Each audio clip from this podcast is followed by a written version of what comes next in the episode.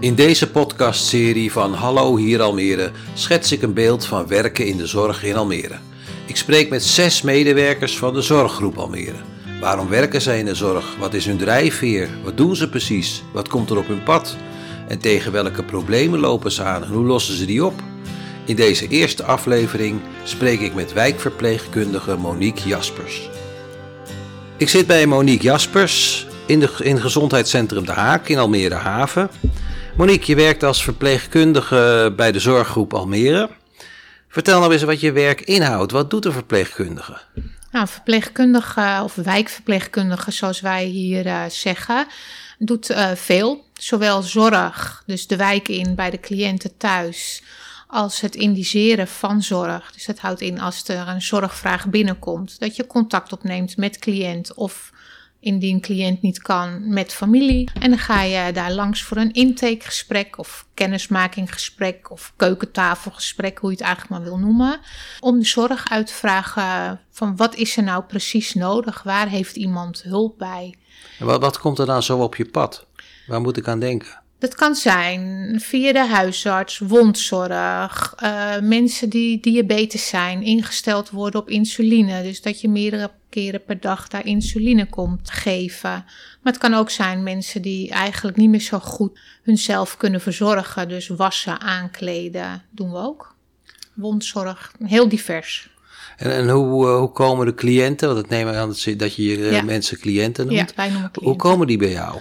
Het kan op verschillende manieren. Het kan via het ziekenhuis zijn. Dan krijgen we, zoals wij dat noemen, een point aanvraag. En die komt hier op het loket binnen. We hebben twee uh, telefonisten hier zitten die eigenlijk alle aanvragen van een ziekenhuis of een revalidatiecentrum hier binnenkomen. Die filteren het uh, van welk gebied, want het komt voor heel Almere binnen.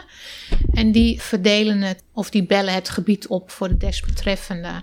Krijg ik het binnen, en dan ga je aan de slag. Maar het kan ook gewoon zijn via de huisarts. En een hele enkele keer belt een cliënt zelf voor hulp. Ja, dat wou ik net vragen. Van kan ja. ik ook zelf bellen ja, als ik hulp nodig heb? Ja. Dan bel ik naar de, naar de haak en dan zeg je help. Help. Ja, dat het, kan. Ik heb zorg nodig. En het zal de degene die aan de telefoon zit al wel wat gegevens uh, vragen. En ook wel vragen, goh, waar heeft u hulp bij nodig? Vindt u het goed als ik een wijkverpleegkundige benadert? En dan wordt u teruggebeld. En dan ga je aan de slag. En dan gaan wij aan de slag. Dan kom je bij de mensen thuis. Ja. In Almere Haven of in heel Almere?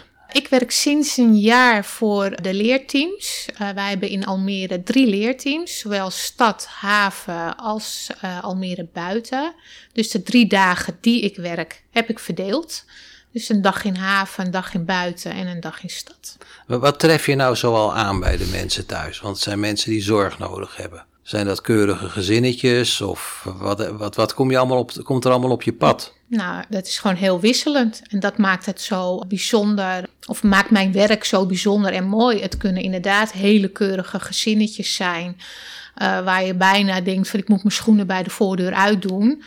Uh, maar je komt ook bij situaties binnen dat je denkt van oh, dit is gewoon te vies om aan te pakken.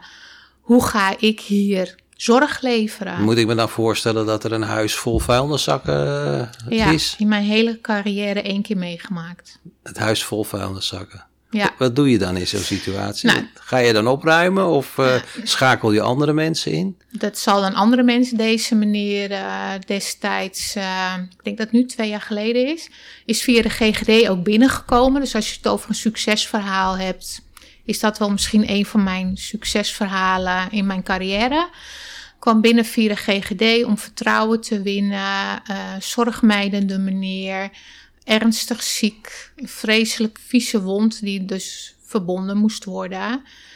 Ja, en dan uh, met veel praten van de GGD mocht ik binnenkomen. Ja, en dan wil je wel opruimen, maar het is gewoon te vies en dat je denkt van, oh help, etensresten, nou ja, noem maar op. Maar je moet eerst vertrouwen winnen. Hoe doe je dat, dat vertrouwen winnen? Nou, toch door te praten van, uh, uh, ik, u hebt gehoord dat ik via de GGD bij u binnen ben gekomen om uh, toch naar uw wond te kijken. Ik zie dat hier overal medicatie ligt. Zou ik daar iets met u kunnen doen? En dan vooral proberen het samen te doen. Dus dat, dat degene ook wel een beetje eigenaar wordt van zijn eigen probleem. Dus eigenlijk op die manier. En nou ja, uh, toch maar zo normaal mogelijk te reageren. Want je eerste reactie is van schrikken en denken van, oh help, ik wil hier weg. Ik wil hier weg. Maar je noemt het een succesverhaal. Uiteindelijk hoe, hoe, is het, hoe, wel. is het, hoe is het verder gegaan dan? In samenwerking met de GGD en de huisarts hebben we even een tijdelijke plek voor hem kunnen vinden. Om ook zijn wond zo hygiënisch mogelijk te kunnen verbinden. Waardoor de GGD de gelegenheid kreeg. En natuurlijk in samenwerking, hè, toestemming. Want meneer moet gewoon toestemming geven om zijn huisje weer op te ruimen. Eigenlijk deed meneer het wel redelijk goed in zijn tijdelijke opname. Dus uiteindelijk is er een plekje voor hem gezocht. En ook omdat hij gewoon meer zorg nodig had. En is deze meneer in overloop terechtgekomen. Mijn eigen huisje toch daar. Maar uh, wel met 24 uur. Hoe lang ben je met zo'n traject bezig? Nou, deze was denk ik wel twee maanden ongeveer. Maar dat is een van mijn succesverhalen. Ja, daar kijk en je met tevredenheid op terug. Daar kijk ik met tevredenheid uh, op terug, ja. En als je nou ergens komt en je weet het niet. Je zit met je handen in het haar van, oh, wat moet ik doen? wat doe je dan? Maar soms weet je ook niet, hè? als je een aanmelding uh, krijgt en je gaat naar die voordeur, weet je niet wat daar achter schuil gaat de eerste keer. Het is altijd spannend. Dus. dus dat is altijd spannend. En in die zin heb ik nooit echt met mijn handen in het haar gezeten, maar wel met als iemand niet thuis is. En je weet dat iemand thuis is, maar diegene doet niet open. Wat dan? En dat is de eerste keer dat je dan de adrenaline door je hele lijf gaat, geen contactpersoon hebt. Want hoe ga je. Dus dat ik wel in overleg met mijn manager een keer uh, 112 heb moeten bellen. Dus twee keer gebeurd in mijn carrière om binnen te komen. En, dat... en helaas, dat je dan iemand vindt die is of overleden of er zo slecht aan toe is en in het ziekenhuis is overleden. En dat zijn wel momenten dat ik met mijn handen in het haar kan zitten, maar dat is meer ja, dat onheimse gevoel wat je dan hebt. En uh, je moet handelen. Je weet, kijk, soms doet iemand niet open en dan weet je dat is iemand die regelmatig weggaat. Dan bel je nog een keer. Maar als je echt dat onheimse gevoel hebt, ja, je zal moeten handelen. Ja. Speelt, dat schiet me nou te binnen, eenzaamheid een rol bij jouw cliënten? Sommigen wel. En zeker uh, heb je cliënten dat ik wel zeg, die hebben soms tien kinderen en daar komt er misschien maar één van. Er zijn cliënten die hebben één kind en die lopen hun benen onder hun voor hun moeder of vader, de benen onder hun kont vandaan. Uh, maar de mensen die geen kinderen hebben of kinderen niet meer thuiskomen, ze worden ouder, dus hun kennissenkring wordt kleiner. En nu coronatijd, ja, is er zeker wel eenzaamheid. Nou word jij toch een vertrouwenspersoon. Ja. Waar ze denk ik vaak toch wel blij mee zullen zijn. Ja. Maar dan moet je afscheid nemen op een gegeven moment. Ja. Vallen ze dan niet in een gat? Oh jee, Monique is weg. Dat kan, maar ja, sommigen ook niet. Die, die zijn, vinden het dan wel jammer dat jij niet meer komt. Maar als de zorg gedaan is en ze kunnen het weer zelf. Uh, zelfredzaamheid is natuurlijk ook een groot goed wat we mm. hebben. Uh, onze eigen regie kunnen. Daar stuur je ook daar op. stuur je ook op. Dat, is gewoon, belang, dat is gewoon belangrijk. Dat, dat, ze verder kunnen. Je noemde yes. corona al even. Ja. Wat, daar zitten we nou middenin, in de zoveelste golf. Golf. Ja, en ja. Wat, wat, speelt dat voor rol in jouw werk? Als je terugkijkt naar de eerste golf, toen hadden we nog geen beschermende materialen. En vind ik echt, dat was toen moeilijk aan te komen. Ja, en als je voor het eerst kwamen er allemaal mee in aanraking en niemand wist nog precies hoe, wat, hoe gaan we dit aanpakken vind ik zeker dat wij aan de frontlinie hebben gestaan. Daardoor hebben ze een wijkteam opgericht. heb ik ook nog even die alleen coronapatiënten toen deed in de eerste golf. Omdat je ja, beperkte middelen had. En niet iedereen dan die middelen kan geven, kon geven. De unit hebben we toen opgericht, perspectief. Daar heb ik gewerkt. Dat was een speciale COVID-unit? Ja, daar kwamen de mensen die te goed voor het ziekenhuis waren en te slecht voor thuis. Was dat een aparte afdeling? Ja, die uh, Perspectief is een oud gezondheidscentrum in Tussen de Vaart, moet ik goed zeggen. Die stond leeg en die heeft de zorggroep toen omgebouwd tot COVID-unit. Dus de huisartsenkamers, er zat al een keukenblokje in. Dat werd omgebouwd als, ja, als een, een ziekenzaal Maar- of een, een kamer voor. Een, Dat is nu gestopt. dat is nu gestopt, omdat je nu weer verder bent. Mensen zijn gevaccineerd. eh, we weten nu wat meer. eh, er zijn genoeg materialen, beschermende materialen voor personeel. Dus we kunnen nu gewoon zelf naar de, naar de cliënt toe. Nou En dat is, doen we ook. hoor je op televisie heel vaak, werken in de zorg is hartstikke zwaar. Je ziet dat heel vaak op tv. eh, Je ziet artsen, je ziet verpleegkundigen, ambulancebroeders, zie je vertellen hoe, eh, hoe zwaar ze het hebben. Hoe hou jij dit vol? Want ook jouw werk is niet, dat doe je even tussen neus en lippen door. Nee, als je wil kan je in de zorg 24-7 werken. En dat heb ik door de jaren heen echt moeten leren, afleren. Dat als je thuis bent, ook thuis bent. Dus dat, je, dat wil niet zeggen dat ik thuis heus wel eens een keertje nog een mailtje beantwoord. Omdat die niet kan wachten. Maar anders gaat de telefoon uit in de kast. En als ik weer ga werken, komt hij weer tevoorschijn. Maar dat doe je om jezelf eigenlijk te beschermen. Om mezelf te beschermen. Want zou je dat niet doen, maakt mijn werk zwaar. Tuurlijk is het werk niet altijd eh, licht. Want zwaar kun, je, zwaar kun je bedenken. Wat is zwaar? Is het lichamelijk zwaar, geestelijk zwaar? Bijvoorbeeld, ja. Bijvoorbeeld. Soms is het geestelijk zwaar. En dat kan te maken hebben omdat je periode hebt waarvan je veel palliatieve zorg hebt. Wat is dat? Palliatieve zorg is dat mensen thuis willen overlijden, dus uitbehandeld zijn. Dat kan geestelijk zwaar maken, want het doet als mens ook iets met jou. eh, als mensen thuis komen te overlijden. Aan, en aan de andere kant is het hele mooie zorg en dankbare zorg die je mag geven. Eh, slaap je nou wel slecht? Als je een moeilijk geval hebt. Enkele keer. Dat je het dan toch meeneemt naar huis, dat het je toch bezig kan houden.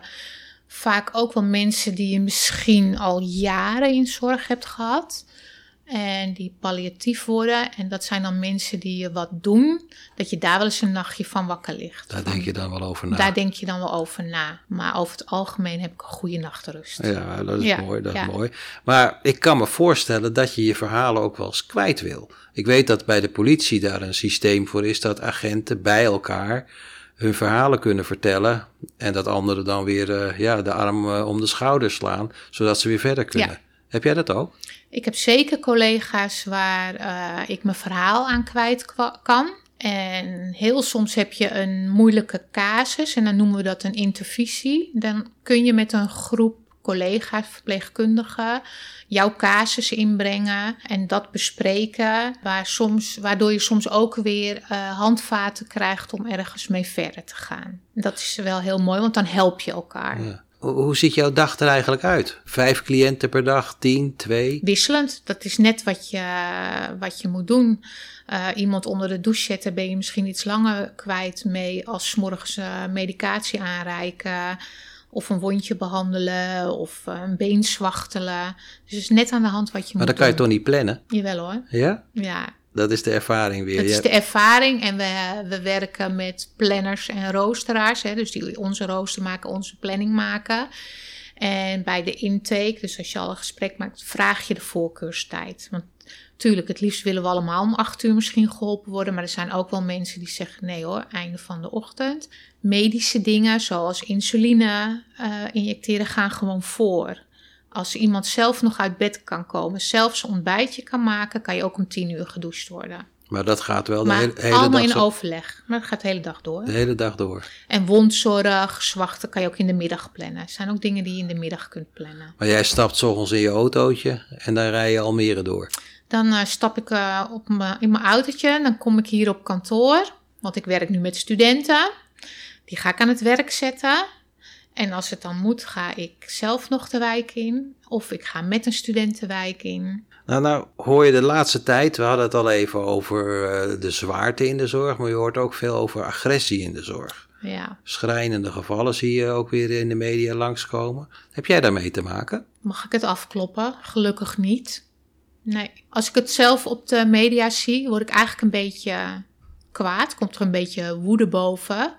Dat ik denk, blijf toch alsjeblieft van de hulpverleners af. Die doen hun werk. Dat zal. En zeker ook als je ambulancepersoneel gaat aanvallen. Die willen juist een leven redden. En dan denk ik, blijf gewoon met je tengels van dat soort mensen af. Wat komen wij tegen in de wijk? Mensen kunnen wel eens boos zijn. Maar vaak komt dat ergens vandaan.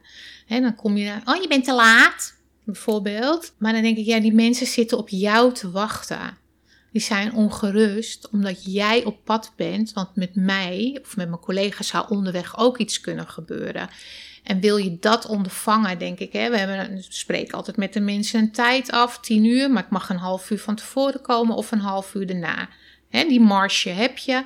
Maar als het langer wordt als een half uur, denk ik, bel die mensen. Van ik ben u niet vergeten, maar ik heb nu een calamiteit, ik kan even niet weg. Het wordt een drie kwartier later. Dan krijg je veel meer respect van de mensen, Dus- want dan is er meer begrip. Ja, in jouw werk is dat dan van belang, dat, van je, belang. Ja, dat je het op die manier eh, voorkomt eigenlijk. voorkomt. Ja, en dat, heb, dat leer je ook met vallen en opstaan hoor. Maar dat geef ik wel mijn studenten ook mee. Als het uitloopt, want dat kan, we werken met mensen, bel de volgende cliënt op en zeg: Ik ben u niet vergeten, maar ik loop er iets uit, ik kom er zo aan. Dan zag ik die studenten net lopen, een hele, hele groep eh, Hele in, groep. in de gang. Eerst maar eens, waarom leid je studenten op?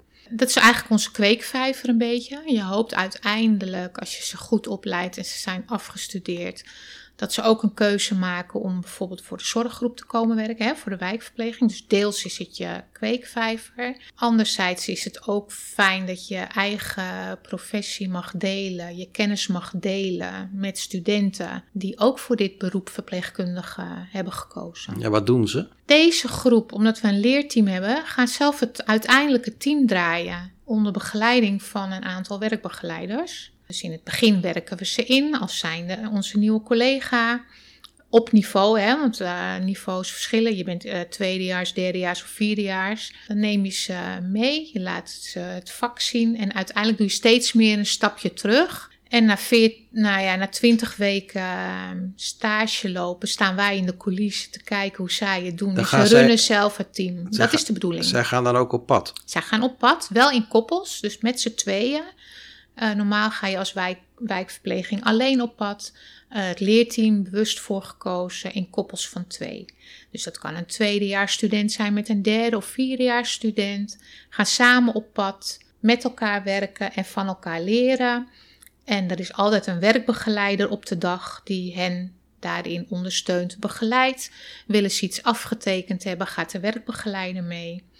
Dus meestal is het wel eh, twee studenten en een werkbegeleider met studenten die de wijk ingaan. Nou heb je heel veel ervaring, Mhm. eh, al 25 jaar. Ja. Wat zijn nou de wijze lessen uit die 25 jaar die jij aan de studenten meegeeft? Probeer jezelf te blijven. Fouten maken niet erg is, want daar leer je van en daar kun je verder mee. Dit werk ben je nooit uitgeleerd. Je blijft jezelf ontwikkelen en dat wil ik ze ook meegeven en stimuleren. Blijf dat ook vooral doen. En wat je leuk vindt, doe dat ook vooral, want daar haal je je energie uit. Nu lopen ze hier rond. Mhm. Jij hoopt dat ze collega's worden. Er is een groot tekort aan zorgverleners. Ik zag een, een bordje hier hangen in de haak van collega's gezocht. Ja. Waarom moeten mensen nu in de zorg gaan werken? Niet voor het geld. Nee, voor het geld, als je rijk wil worden, moet je zeker niet in de zorg eh, werken. Maar ik vind, heb je affiniteit met zorg? Heb je een hart wat graag wil zorgen? Want ik, hè, vroeger zeiden we van, is het eh, een, eh, een beroep of een... een, Een roeping. Of een roeping. Tuurlijk is het een beroep, daar ben ik mee eens. Maar het is ook deels toch nog wel een roeping. Want hè, ben je een mensenmens? Ligt je hart bij zorgen?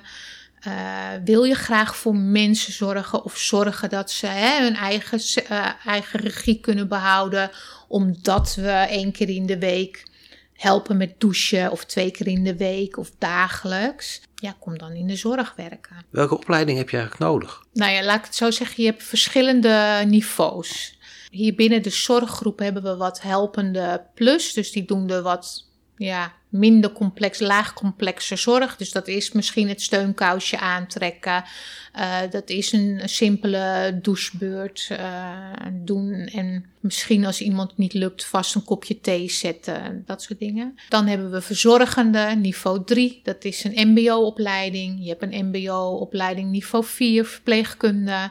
Maar je hebt ook een HBO-opleiding, verpleegkunde niveau 5. En dan word je echt wijkverpleegkundige. Maar we hebben ze, we hebben ze allemaal nodig. Allemaal nodig, ja. Allemaal. Ja. Komen ze van Windesheim ook, hier in Almere? Windesheim, HBO, ja.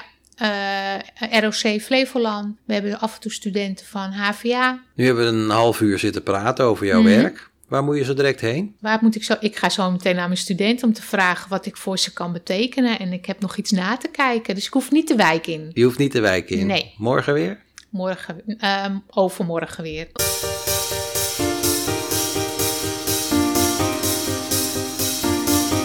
We sluiten af met een oproep. De cliëntenraden van Zorggroep Almere zijn op zoek naar mensen die de cliënten goed kunnen vertegenwoordigen, hun belangen behartigen en meedenken over allerlei zaken waar cliënten mee geconfronteerd worden. Ze denken mee over de kwaliteit van de zorg en dienstverlening en geven gevraagd en ongevraagd advies aan het management. Deze adviezen wegen altijd zwaar mee in de besluitvorming.